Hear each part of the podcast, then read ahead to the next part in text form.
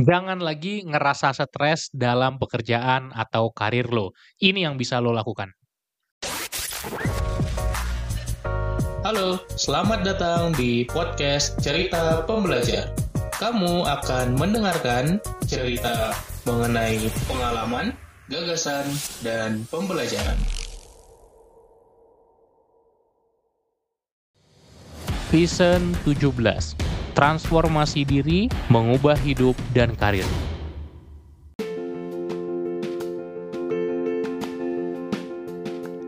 Gimana caranya ngatasin stres terkait pekerjaan? Ini adalah satu pertanyaan yang ditanyakan oleh salah satu klien gue dan terkadang gue bingung juga sih jawabnya karena gue sekarang gak ngerasa stres lagi di karir gue dan pekerjaan gue soalnya gue se-enjoy itu dengan apa yang gue lakukan. Tentu saja secara makro ya, artinya stres yang besar itu nggak ada. Tapi kalau stres-stres kecil, yaitu capek ngerjain tugas, itu wajar lah. Setiap orang pasti juga ngerasain kan?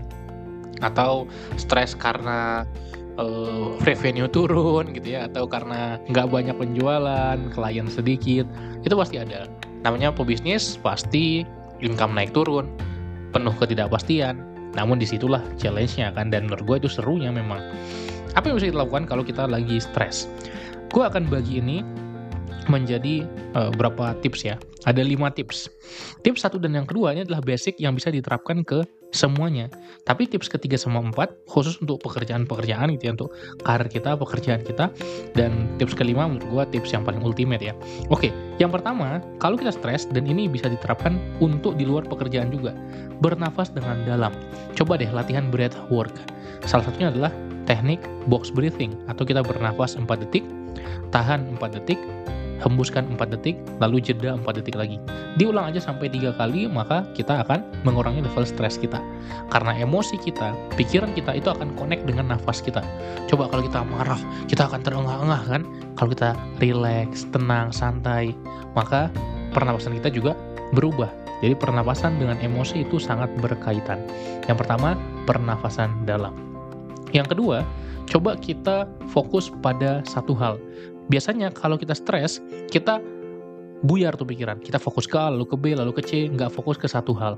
Nah, kita perlu fokus ke satu hal saja, dan kita bisa melatihnya dengan meditasi, dan membuat kita nggak lagi terdistraksi oleh hal-hal lain. Kalau kita fokus ke satu hal, kita biasanya akan menyelesaikan masalah itu, dan kita bisa ngerjain semuanya pada akhirnya. Tapi, tidak dalam satu waktu yang sama fokus ke satu hal dulu, beresin, baru pindah lagi ke hal yang lain, beresin, baru pindah lagi. Jangan di satu saat kita langsung mikirin semuanya.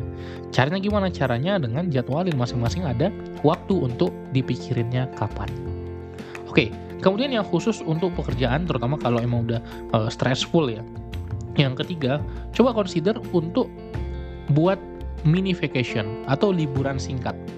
Liburan itu bisa kita liburan seminggu atau bahkan bisa sebulan ya.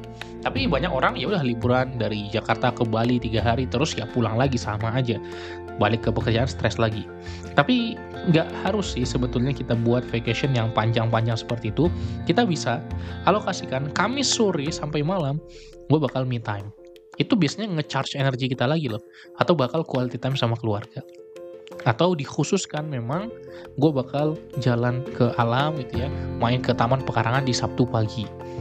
Atau bahkan saat kita bekerja di istirahat siang satu jam itu kita jalan-jalan aja ke sekitar pekarangan yang ada di dekat kantor kita mungkin atau kalau kita WFH ya kita cari tempat yang berkaitan dengan alam atau kita menenangkan diri kita jangan cek handphone sama sekali itu biasanya lebih berkualitas untuk menghilangkan stres kita jangan stres capek mikirin pekerjaan atau stres capek natap layar sepanjang hari, terus istirahatnya scrolling TikTok ya sama aja.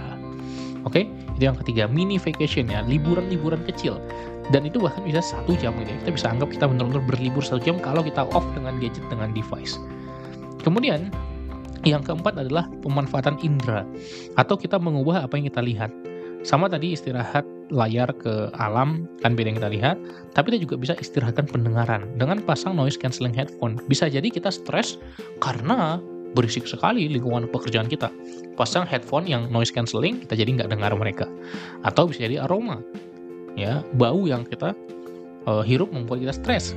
Bisa jadi kita pasang aromaterapi itu juga sangat bagus. Atau tempat kita bekerja yang kita rasakan saat kita duduk, saat kita berdiri, saat kita memegang meja kerjanya nyaman atau enggak. Posisi monitor itu ngaruh loh. Posisi kita duduk, apakah kita duduk di kursi biasa, kursi yang jelek, atau kursi yang sangat ergonomis? Nah, itu juga sangat berpengaruh. Satu hal yang gue ubah di pekerjaan gue, simple. Gear gue gue perbaiki, gue upgrade semua setup gue, dan akhirnya bisa lebih enak kerjanya. Itu juga bisa lo consider. Kemudian terakhir yang kelima yang menurut gue ultimate, kalau memang perlu ya pindah kerjaan. Oke, okay, nggak harus langsung lu resign sekarang. Lo bisa sambil bangun dulu side hustle-nya, sambil bangun dulu bisnis pelan-pelan. Lo bisa punya waktu untuk pekerjaan dan punya waktu untuk side hustle tadi. Misalnya sore hari ke malam hari, atau saat weekend, bangun bisnis online apa pun, eh, bangun channel YouTube mungkin, atau freelance, banyaklah cara-cara lainnya yang bisa lo explore sendiri dan bisa jadi itu yang bikin lebih fulfilling karena terkadang solusinya itu bukan pekerjaan yang lebih bagus saja tapi bisa juga pekerjaan yang lebih menenangkan. Waktu dulu gue ada pilihan untuk ngebangun sebagai kreator, sebagai coach, sebagai trainer income-nya belum ada di awal uh, tapi pasti akan muncul kan income seiring kita bertambah uh, audiens kita berkembang, bertumbuh uh, bikin berbagai digital produk pasti income akan bertambah. Tapi di awal nggak ada income sama sekali tapi menyenangkan pekerjaannya memang gue suka dengan apa yang gue lakukan. Serta pilihan satu lagi menjadi seorang engineer. Gue nggak senang jadi engineer. Gue nggak suka dengan bidang elektro waktu itu. Sehingga gue pilih karir yang tidak populer karir yang memang gue pengen ngelakuinnya meskipun awalnya belum ada income. Tapi akhirnya gue jadi nggak stres secara major. Benar-benar bisa menjalannya dengan enak dengan baik akhirnya pasti income akan datang dengan sendirinya kok. Tenang aja kalau masalah income. Itu yang gue yakini ya. Jadi itu tadi 5 tips yang bisa gue share.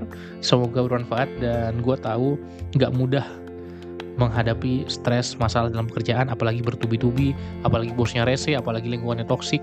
Uh, I know it's not easy tapi hope you all the best gitu ya. Gue nggak tahu sekarang masalah apa yang lo hadapin tapi gue hanya bisa mendoakan semoga yang terbaik akan lo dapatkan apa pun yang lo perjuangkan pasti akan ada hasilnya.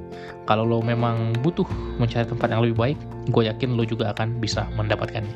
Itu aja buat episode kali ini. Sampai jumpa di episode berikutnya besok. Salam pembelajar